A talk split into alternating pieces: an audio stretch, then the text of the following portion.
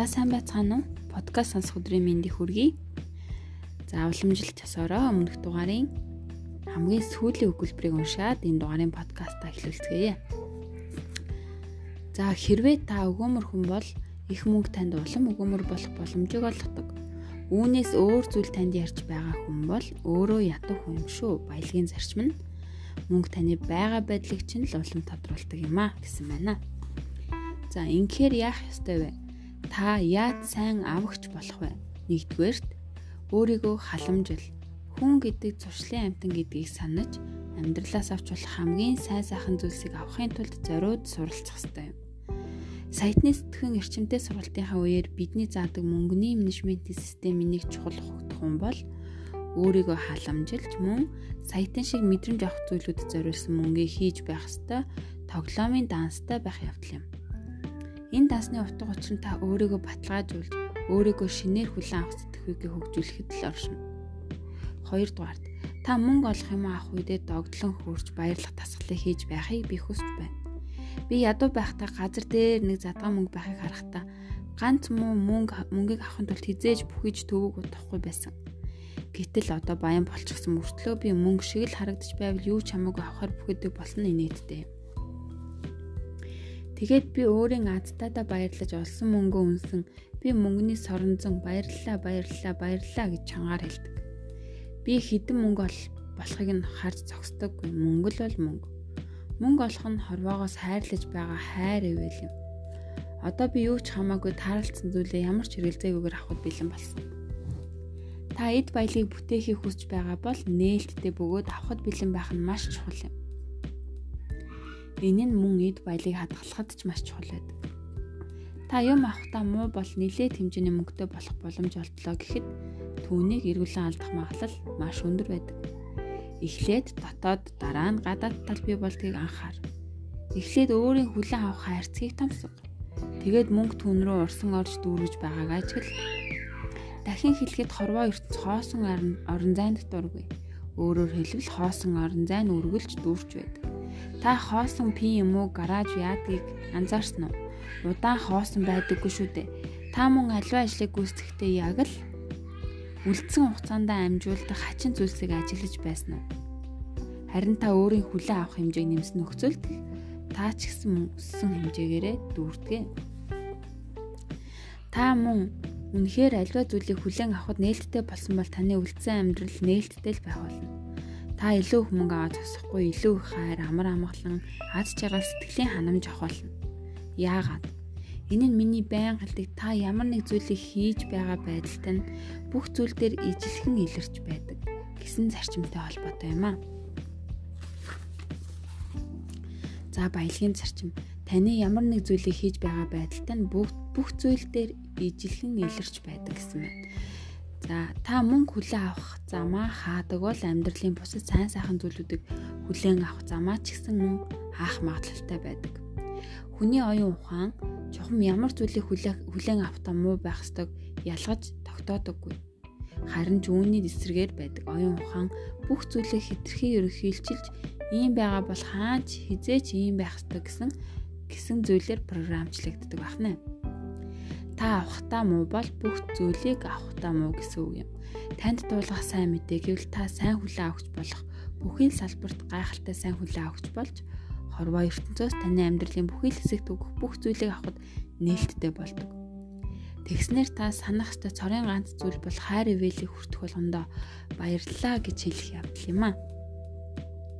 Тунхаглал гараа зүрхэн дээрээ тавиад би бол гайхалтай сайн хүлээн авахч Би бол гайхалтай сайн хүлээн авахч. Би өөрийн амьдралд орж ирэх хасар их хэмжээний мөнгийг хүлээн авахд бэлэн байна. Би бол гайхалтай сайн хүлээн авахч. Би өөрийн амьдралд орж ирэх хасар их хэмжээний мөнгийг хүлээн авахд бэлэн байна гэж хэлэх юм байна. Толгойдоо гараа хүргээд би сайтны сэтгхүйтэй, би сайтны сэтгхүйтэй гэж хэлэх нэ. За сайтны сэтгхүй хөгжүүлэх арга ажиллагаа буюу а баялагын файл 9-ийн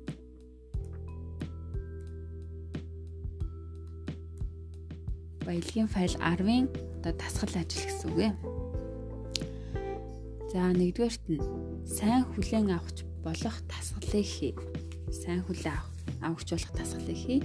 Хин нэгэн танд ямар нэгэн магтаал хийх болгонд баярлалаа гэж хэлж бай.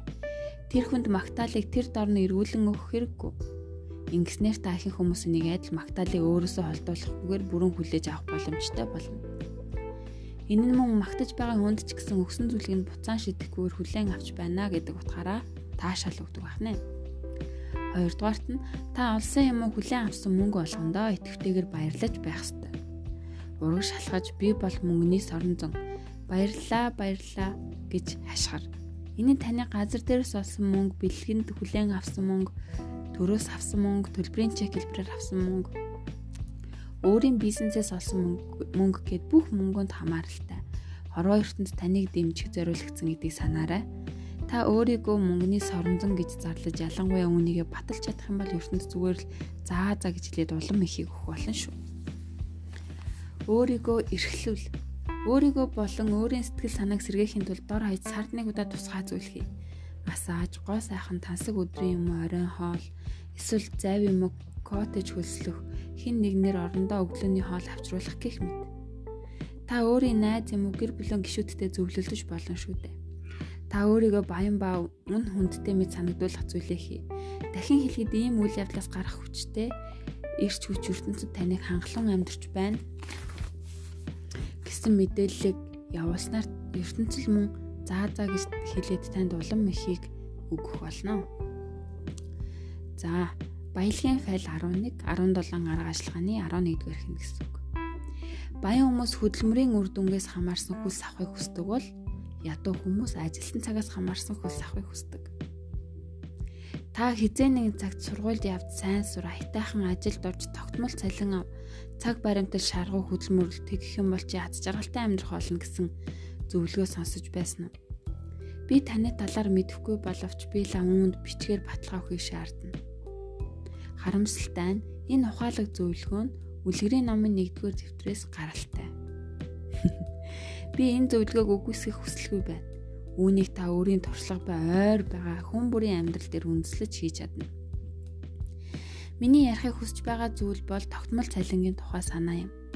Энэ нь таны өөрт тохиромжтой хэмжээний орлого олох чадварт нөлөөлөхгүй л тогтмол цалин авахд муу зүйл байхгүй л те. Хамгийн гол нь та нөлөөлдөгтөл хамгийн гол нь нөлөөлдөгтөл учир байгаа юм аа.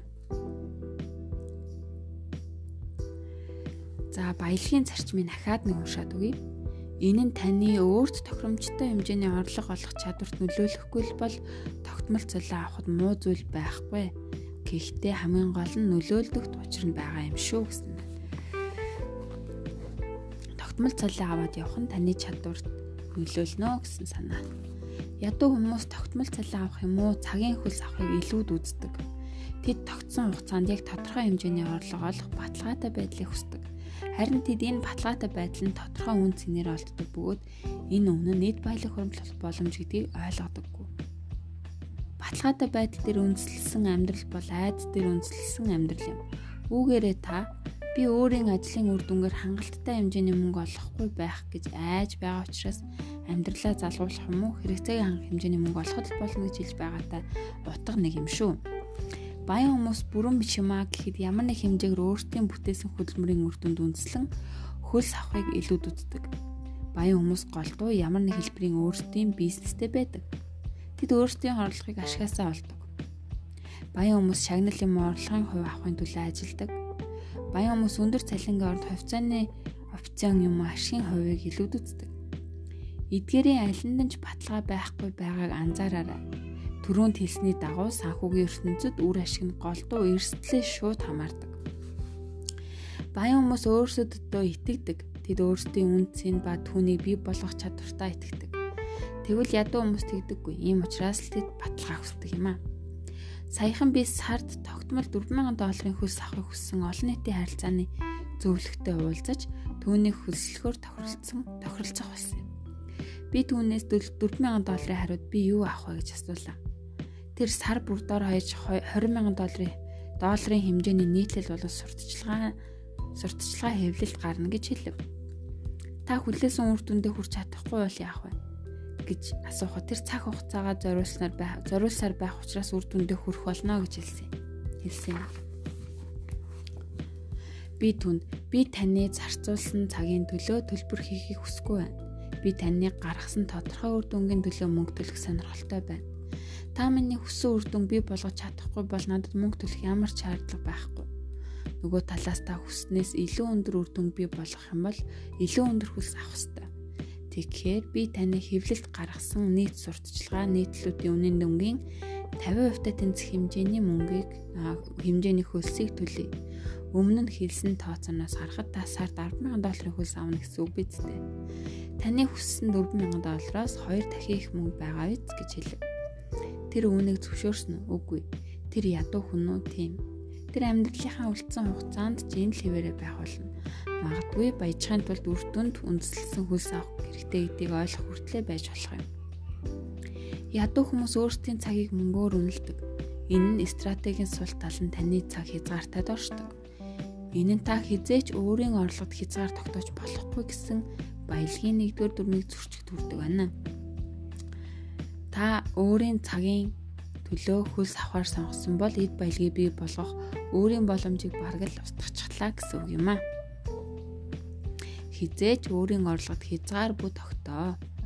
Энэ дүрм нь голдуу цагаар хөлс тооцдог хувийн үйлчилгээний бизнест мөн хамааралтай байдаг. Тийм учраас тэдгэр компани түнш болж амжаагүй бизнесийн ашигаас нь хүртдэггүй хуульчид, нэгтлэн бодогчид, зөвлөхүүд зэрэг хүмүүс сайнаар бодоход дараахан түвшинд амьдарч цаадаг юм аа. Та үзэгний бизнес эрхэлдэг бөгөөд 50 мянган үзэгний захиалга авлаа гэж бодъё. Ийм зүйл тохиолдолд та яах вэ? Та зүгээр л өөрийн нийлүүлэгч рүү уцтаж 50 мянган үзэг авчруулж захиалагчид илгээгээд өөрийн ашгийг баяртайгаар тоолох болов. Нөгөө талаас та массажчийн эмчилгээний мэрэгчлэлтэн бөгөөд таны хаалганы гадна танаар массаж хийх хүссэн 50 мянган хүн дугаарлан зогсож байна гэж бодъё. Та юу хийх вэ?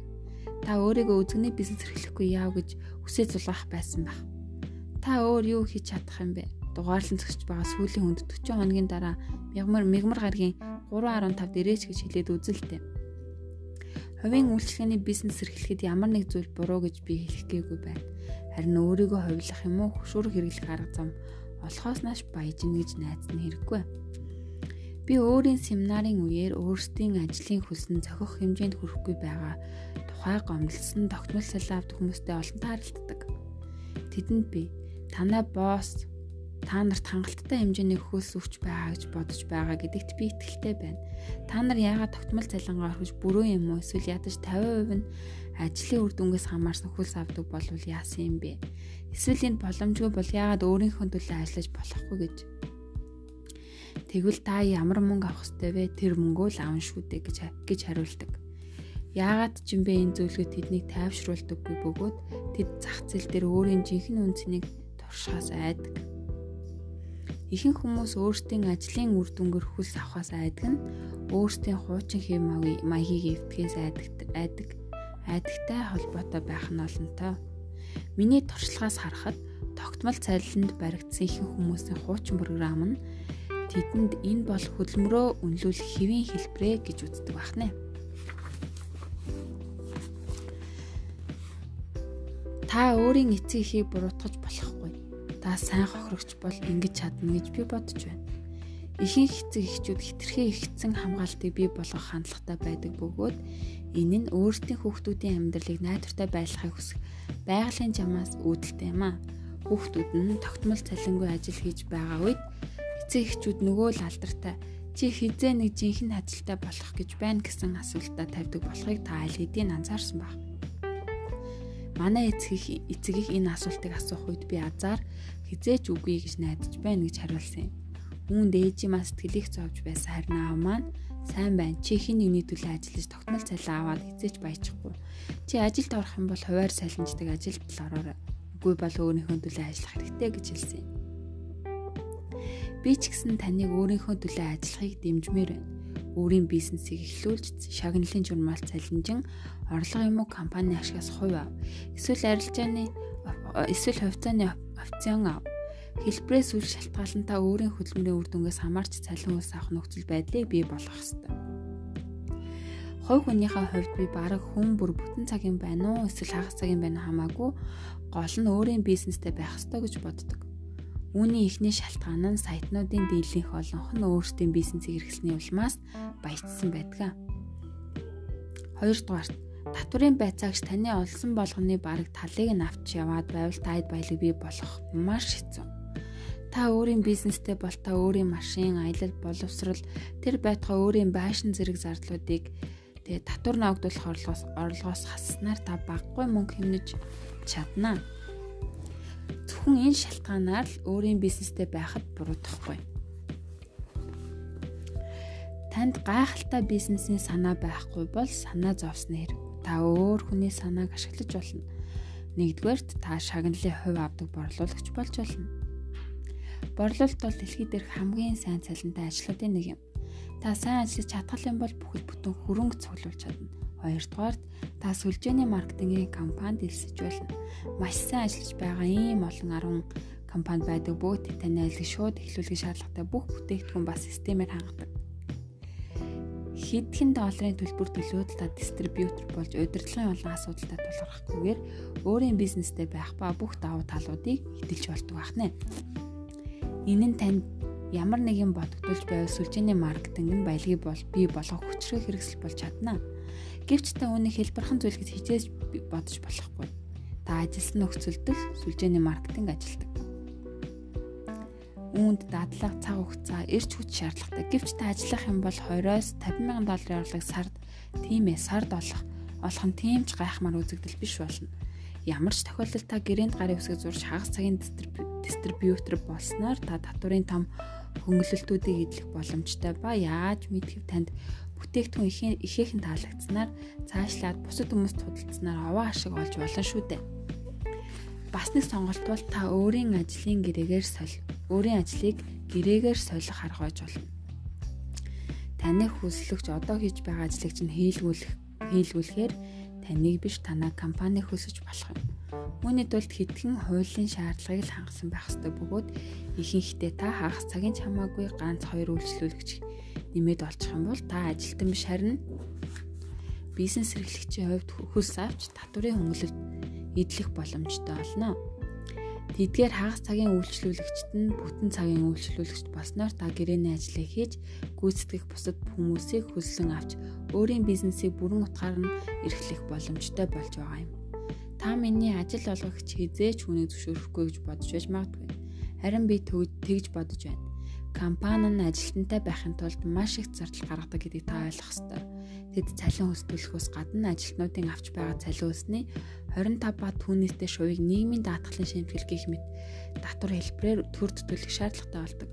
Үүн дээр ихэнх ажилтнуудын авдаг нэмэлт хөнгөлтүүдийг тооцох юм бол таныг гэрээгээр хөлсөлсөн компанид та бараг 50% нэмэлт гаргах боломж олгодог. Хэмнэлт гаргах боломж олгодог. Мэдээж та тэр компани ажилтан болсноор эдлэх боломжтой байсан олон даваа талыг эдлэхгүй ч гэсэн зөвхөн татвараас хэмнсэн мөнгөөр та өөр шаардлагатай зүйлүүдийг авах боломжтой болно. Эцэст нь та өөрт тохирсон хөлс авах цорын ганц зам бол ажлын үр дүнд үндэслэн цалин хөлс авах явдал юм а. Дахин хэлэхэд манай өвөний чи хин нэгний төлөө тогтмол цалинтай ажиллаад баярчихгүй. Чи ажил хийж байгаа бол хуваар цалинждаг ажил хийх нь зүйтэй юм а эсвэл өөрийнхөө төлөө ажил гэж хамгийн тодорхой хэлсэн байдаг. Одоо ботход энэ нэг ухаалаг зөвлөгөө байсан гэж. За гараа зүрхэн дээрээ тавиад би ажлынхаа үр дүнгээр хөлс авахыг илүүд үзэж байна гэж хэл. Би ажлынхаа үр дүнгээр хөлс авахыг илүүд үзэж байна. Толгойдоо гараа үргээд би сайтны сэтгвэтэй гэж хэлэх юм байна. За сайтны сэтгвээ хөгжүүлэх арга ажиллагаа буюу баялагын файл 11-ийн дасгал ажил гэж байна.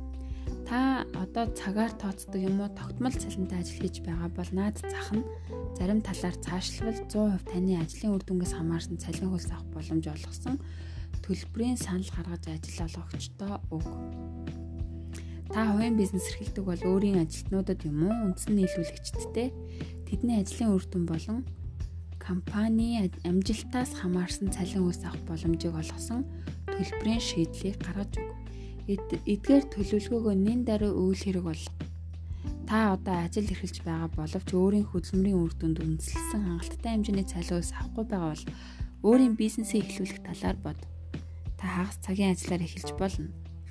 Та хэлбэрхэн сүлжээний маркетингийн компанид элсэх юм уу? Бусдад өөрийн мэддэг зүйлээ заа заах сургагч болж болно. Эсвэл өөрийн ажиллаж байсан компанид зөвхөн цагаар биш гүйцэтгэл ба ажлын үр дүнгээр тооцсон хөлсөөр бие даасан гэрээд үйлчлэгээ үзүүлэх санал тавьж болно.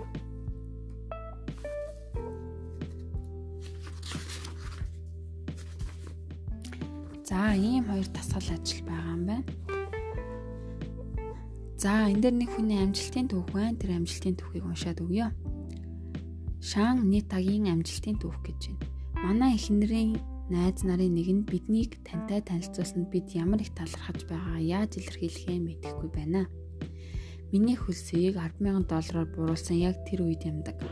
Бид өөрсдийн хэрэгцээг хангаж чадхаа болоод байсан учраас өөр хувилбаруудыг зөвхөрлөлтгүй хайж байлаа. Саядны сэтгхэн эрчимтэй сургалтаар бид санхүүгийн эрх чөлөөг олж авах хэрэгслүүдийн талаар суралцсан юм. Бид эдгээр хэрэгслүүдийг ашиглаж эхлэх үед гайхамшиг хэрэгжиж эхэлсэн. Бид дараагийн жил нь 5 байшин худалдаж авах боломжтой болсон. Тэгэхдээ хамгийн бага ашигла гэхэд 18000 доллар байсан. 5 дахь байшингаас бид 300 сая долларын ашиг олсон. 300 мянган долларын ашиг олсон. Урд нь миний авч байсан жилийн цалингаас 6 дахин их. Би 14 жил хийсэн ажлаа орхиж үйл хөдлөх хөрөнгөд бүх цагаа зориулах хөрөнгө оруулагч болсноор гадна өөрийн гэр болон найз нөхдөдөө хамт байх чөлөөт цагийг өөртөө бий болгож чадсан юм. Таны эсийн төвшөнд хүртэл заах арга тань бидний амжилтанд чухал нөлөө үзүүлсэн шүү. Би ирээдүйд юу болохыг хүлээж чадахгүй. Би үүнийг 20 настай байхдаа сурахгүй явдаа гэж боддог. Баярлалаа хүндтгэн явсан шан нита гэсэн байна. За одоо баялагын файл 12 баян хүмүүс хоёул гэж боддог, ядуу хүмүүс аль нэг нь гэж боддог гэсэн байна. За баян хүмүүс элбэг дэлбэг ертөнцид амьдардаг.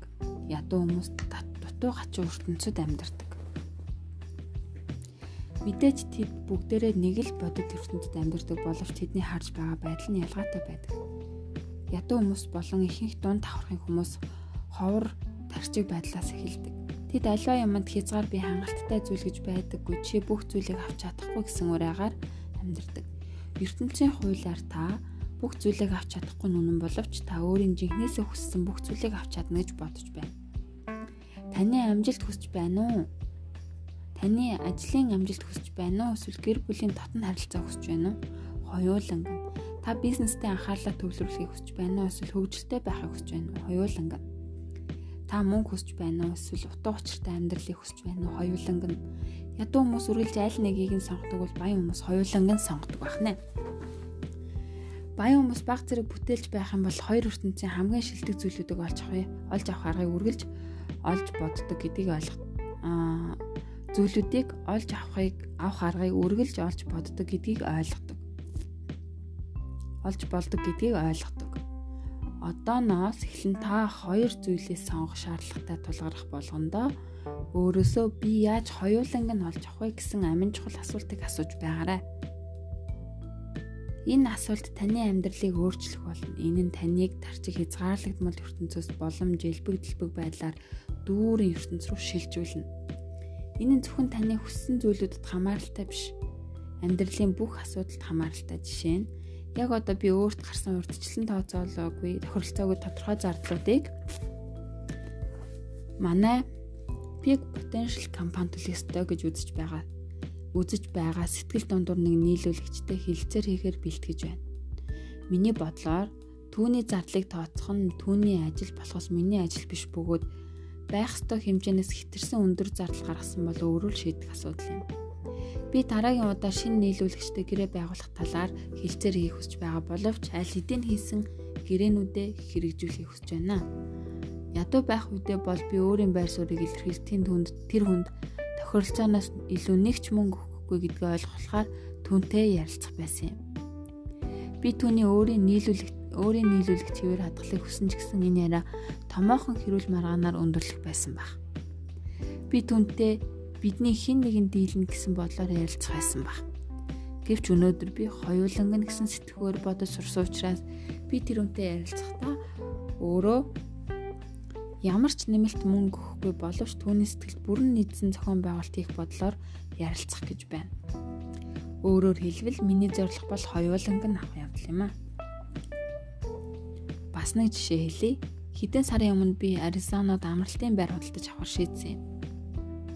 Би өөрийн сэтгэл нийцэх газрыг хайж байсан бөгөөд тэр хавьд 3 унтлах өрөөтэй байшин худалдаж авахыг хүсч байвал саяас дээш долларын үн төлөх ёстой болно гэдгийг зуучлагч бүр л хэлж байв. Миний хүсэл бол саяас доош доллараар тийм байшин худалдаж авах явдал байсан юм. Энэ тохиолдолд ихэнх хүмүүс өөрсдийн хүсэж байгаа зүйлийг багасгах юм уу төлөвлөсөн мөнгөө нэмэгдүүлэх л байсан баг. Би хоёуланг нь хүсэж байсан. Саяхан би яг миний хүссэн газар байрладаг миний хүссэн тооны өрөөтэй байшингийн эзэд үнэ 200 сая доллараар буруулж саяас бага болгосон тухай мэдээ утсаар авсан юм. Энэ бол хоёуланг нь авах зорилгын бас нэг даваа тал юм аа. За. За энэ хүрээд энэ дугаарын подкастаа ингээд дуусгая. Дараагийн дугаар хүртэл түр баяртай. За подкаста богинохон байх тусам та бүхэн минь анхааран сонсох байхаа гэж бодож ин хитрхи нөгөө урт навшуу болчихлоор цааш та бас а нөгөө үлдсэн хугацаанд сонсон зүйлүүдээ ойлгохгүй байх магадaltaй учраас богинохон тэгээд хүнд ойлгомжтой хэлбэрээр хүргэж байгаа шүү. За тэгээд дараагийн дугаар хүртлээ түр баяртай.